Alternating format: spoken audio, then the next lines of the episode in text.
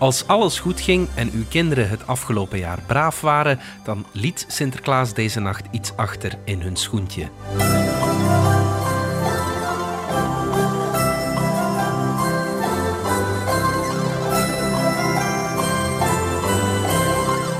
Bestaat een kans dat het dan gaat om genderneutraal speelgoed. Wat is dat eigenlijk? Waarom hebben fabrikanten en winkels er zoveel aandacht voor? En moet ik me als ouder zorgen maken als mijn zoon toch liever met de auto speelt en mijn dochter altijd naar de poppen grijpt? Het is maandag 6 december. Ik ben Alexander Lippenveld en dit is vandaag de dagelijkse podcast van de Standaard.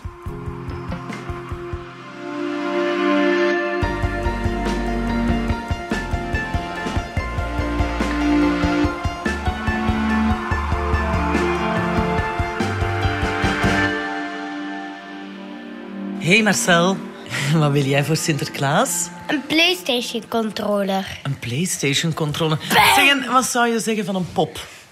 Ja, dat is ook wel leuk. Ik ben Cyril en ik ben zes jaar. En ik speel heel graag met Lego. En speel jij soms met poppen, Cyril? Of met Barbies of Niet zo? zo vaak. Soms met Keo. Waar speel jij graag mee dan? Met Hot Wheels. Dat zijn kleine autootjes. En heb jij ook zo poppen om mee te spelen? Nee. Heb je ooit poppen gekregen van papa en mama? Nee. Oei. Zeg Jos, wat wil jij voor Sinterklaas? Lego Friends. Vind jij dat Lego Friends voor meisjes is en een trein voor jongens? Nee. Ken je jongens die met Lego Friends spelen? Ja, mijn broer. En Maurice, stel dat de Sint jou nu een pop brengt. Zou je dat leuk vinden? Als het een jongenspop is. Als het een jongenspop is. Meisjespop moet je niet hebben. Nee. Speel jij ook graag met poppen, Jules? Eh, nee. En waarom niet? Omdat het echt voor meisjes is. Nee, dat is toch niet waar, jongens? spelen- Meisjes vinden dat toch voor meisjes is. Dat waren de kindjes van onze podcastredactie. Er zijn er nog twee, waaronder mijn zoontje, maar die kunnen alleen nog maar wat eh, brabbelen. Mijn zoon vond naast een doos Duplo wel een pop in zijn schoen, maar voorlopig keek hij er nog niet echt naar om. Meisjes die spelen met poppen, jongens met auto's en niet omgekeerd. Dat wil het cliché. Of dat wilde het cliché, want speelgoedfabrikanten als Lego en winkelketens als Dreamland maken niet langer het onderscheid tussen speelgoed voor jongens of meisjes. Danny Janquin, verantwoordelijke verkoop voor Dreamland, verduidelijkt waarom. Laten we zeggen dat eh, voor Dreamland eh, de leefwereld van kindjes essentieel is, staat centraal. En de leefwereld van kindjes, daar moet magie, daar moet creativiteit kunnen botvieren.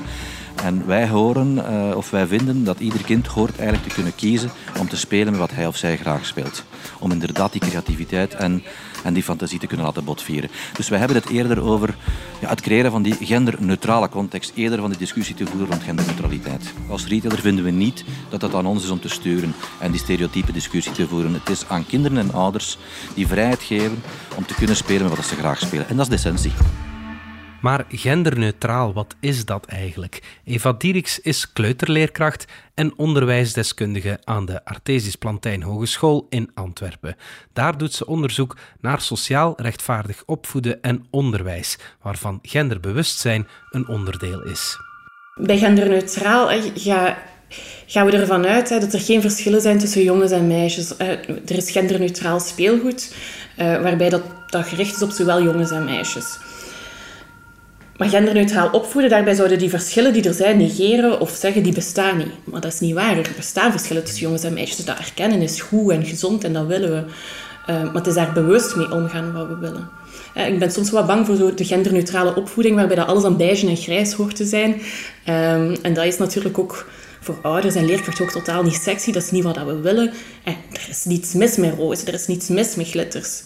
Maar er is wel wat mis natuurlijk eh, als we ja, de consequenties daarvan op, op het gedrag dan van kinderen gaan, eh, gaan doorzetten. Maar wat is genderneutraal speelgoed dan? Wel, je zou kunnen zeggen dat genderneutraal speelgoed, speelgoed is dat zich richt eh, op geen van beide sekses. Dat zich niet per se richt op jongens en niet per se richt op meisjes, maar dat geen kleur heeft en daardoor iedereen aanspreekt. Nu zelf denk ik dat in de vragen die gesteld worden, dat niet zozeer gaat over genderneutraal speelgoed ook, maar ook over het bewust kiezen van eh, ja, gegenderd speelgoed. Dat verder gaat dan ehm, dan, dan enkel dat grijs speelgoed dat we willen aanbieden. Er is niets mis met poppen, ook niet als die roze zijn. Er is niets mis met blokken, ook niet als die blauw zijn. Ehm, maar de vraag is denk ik eerder, ja, hoe zorg je ervoor dat meisjes ook met die blokken spelen en dat jongens ook met die uh, poppen spelen?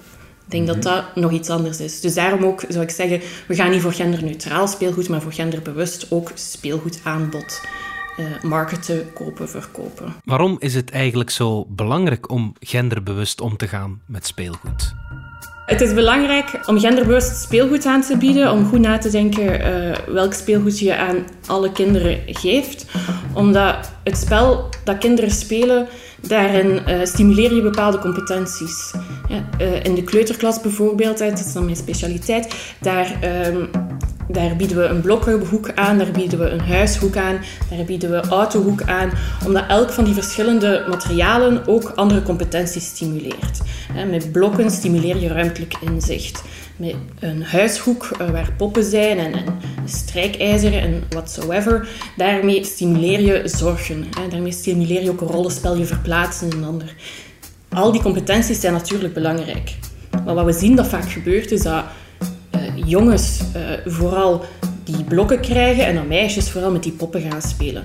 Waardoor dat slechts één, uh, gefocust wordt op één competentie waarin die kinderen zich ontwikkelen.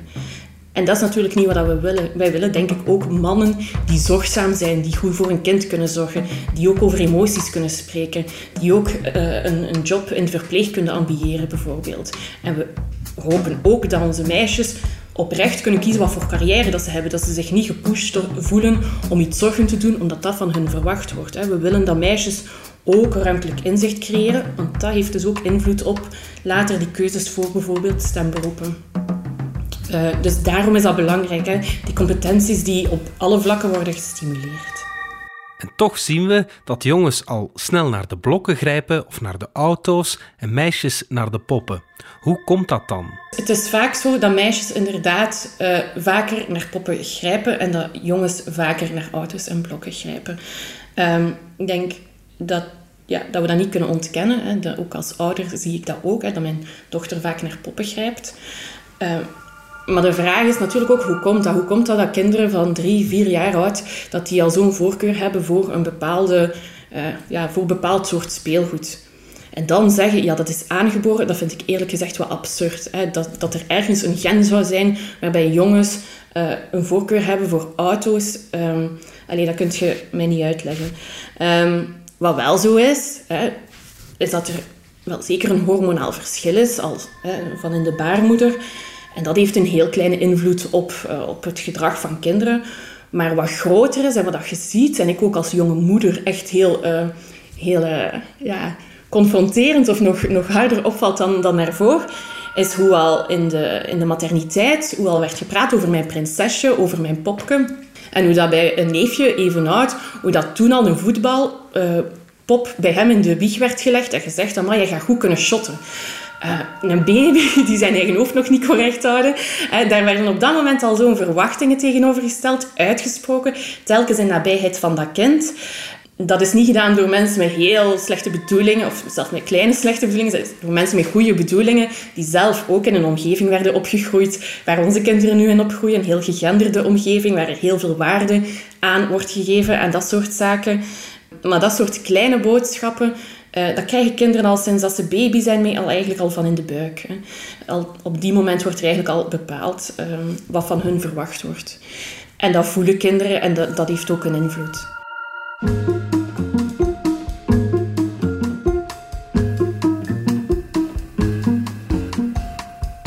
Als je verkleedkleren zou mogen kiezen, welke verkleedkleren zou je dan graag hebben? Batman. Of misschien uh, Anna en Elsa van Frozen.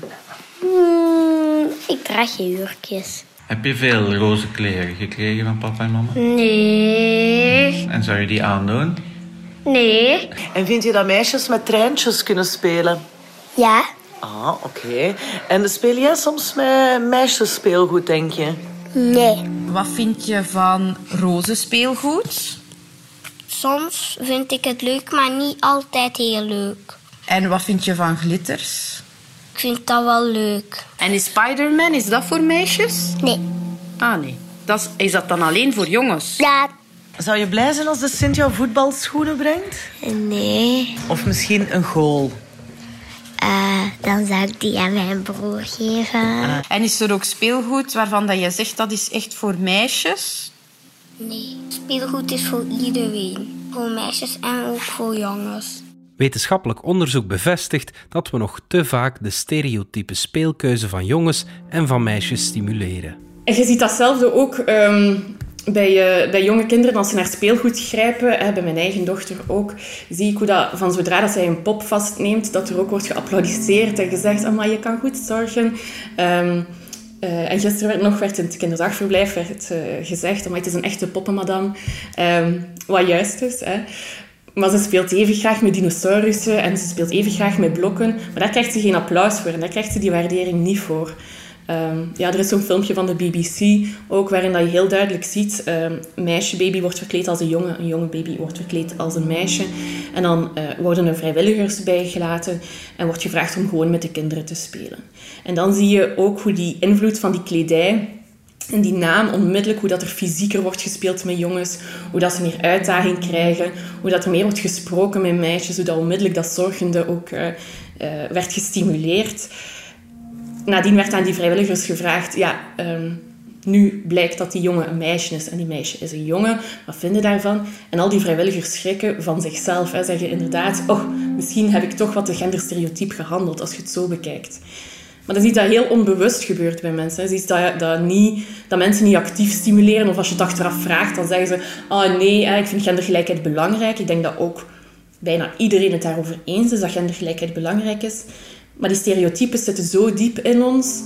ehm, die, dat die in ja, split seconds, eh, dat wij beslissingen maken, dat wij toch handelen naar iets dat dieper in ons zit. En op basis daarvan geven we die stereotypes verder door.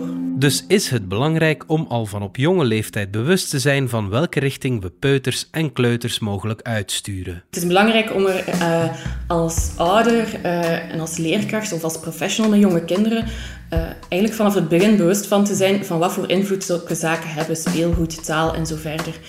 Ehm, want het is gemakkelijker om dat genderstereotyp gedrag vanaf het begin eigenlijk te bespreken en aan te tonen dat het niet zo hoeft te zijn, dan achteraf te gaan moeten verbeteren en grote gesprekken houden daarover.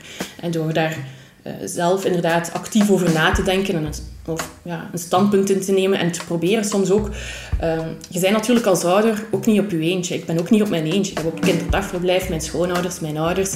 Eh, en zonder die allemaal te moeten gaan verbeteren, heb je toch als ouder ook ehm, redelijk wat invloed door die counterstereotypes aan te bieden. Door bijvoorbeeld bewust eh, dinosaurussen aan te bieden. Ook als ze daar zelf niet naar grijpt, ehm, dan koop ik haar toch dinosaurussen, dan koop ik haar toch blokken, dan koop ik haar toch die auto's eh, en speel ik eventueel met haar samen.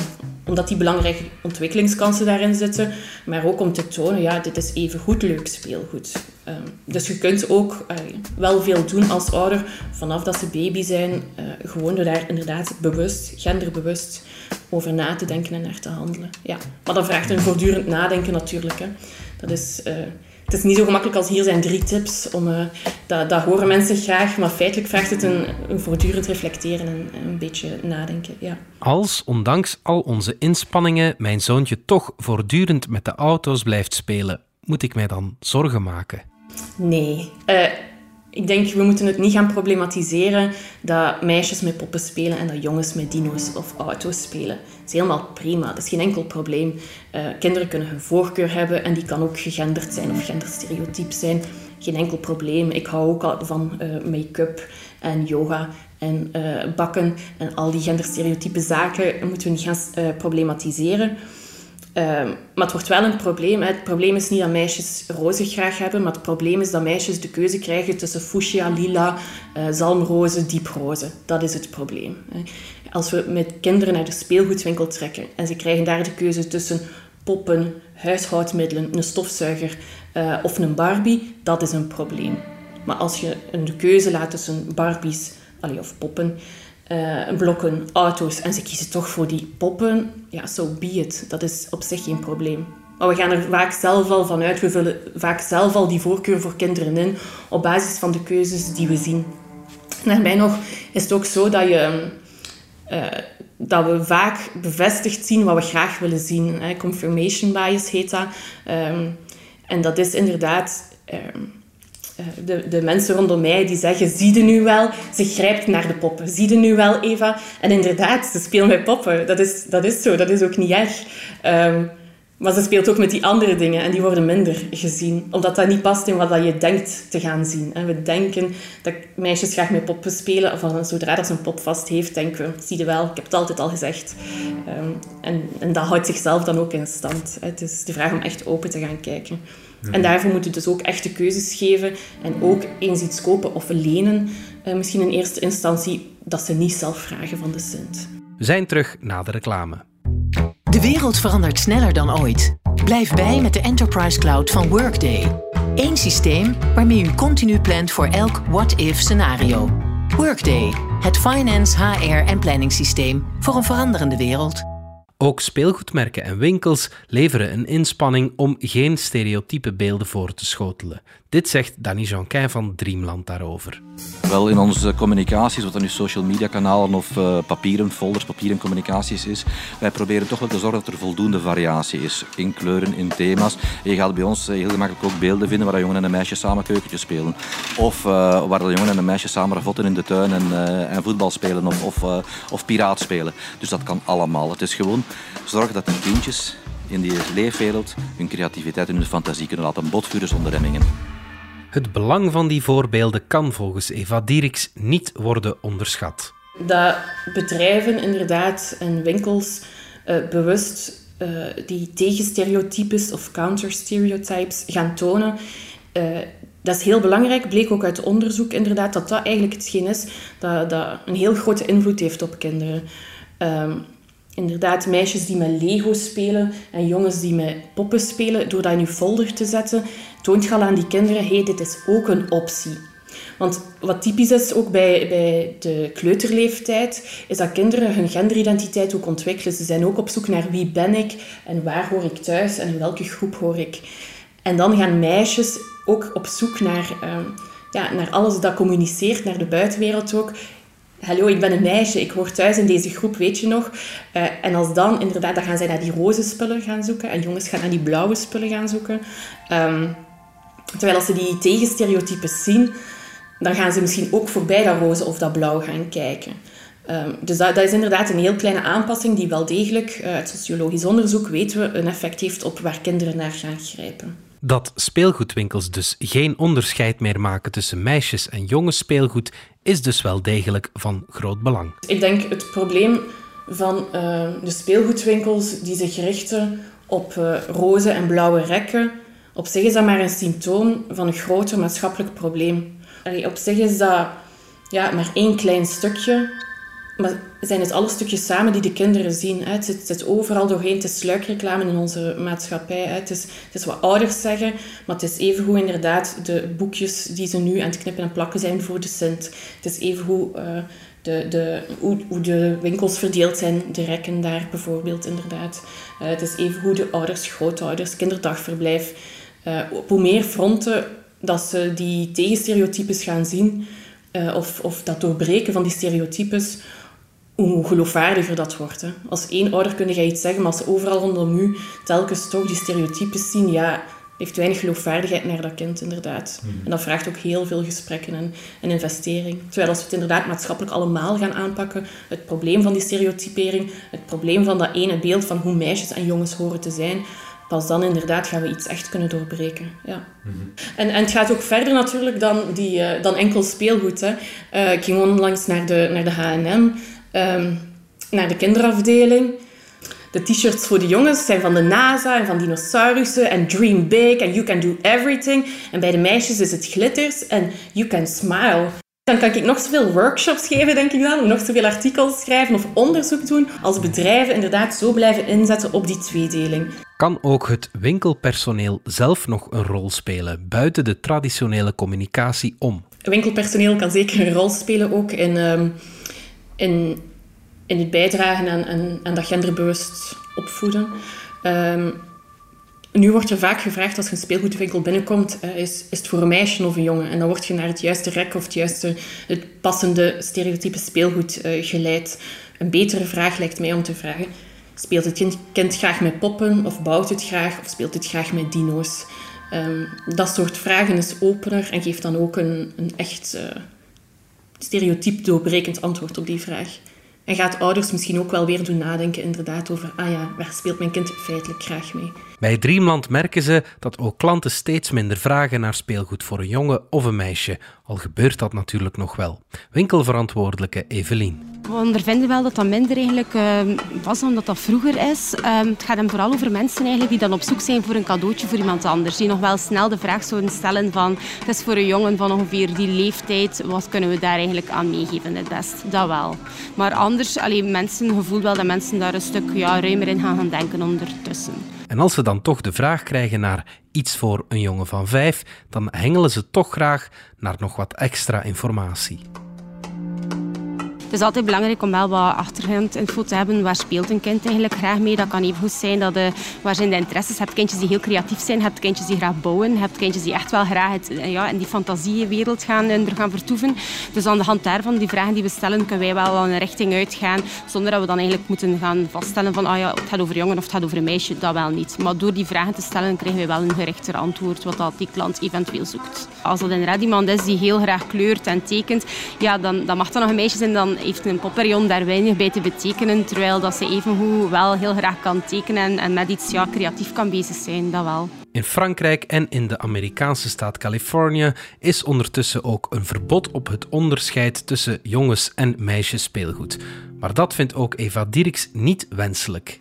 Dat de overheid, uh, of de overheid hier, uh, uh, hierover moet beslissen, zoals in sommige andere landen of staten, zoals Frankrijk en Californië, Ehm, dat weet ik zo nog niet. Uh, ik hoop vooral dat de bedrijven, de winkels zelf slim genoeg zijn.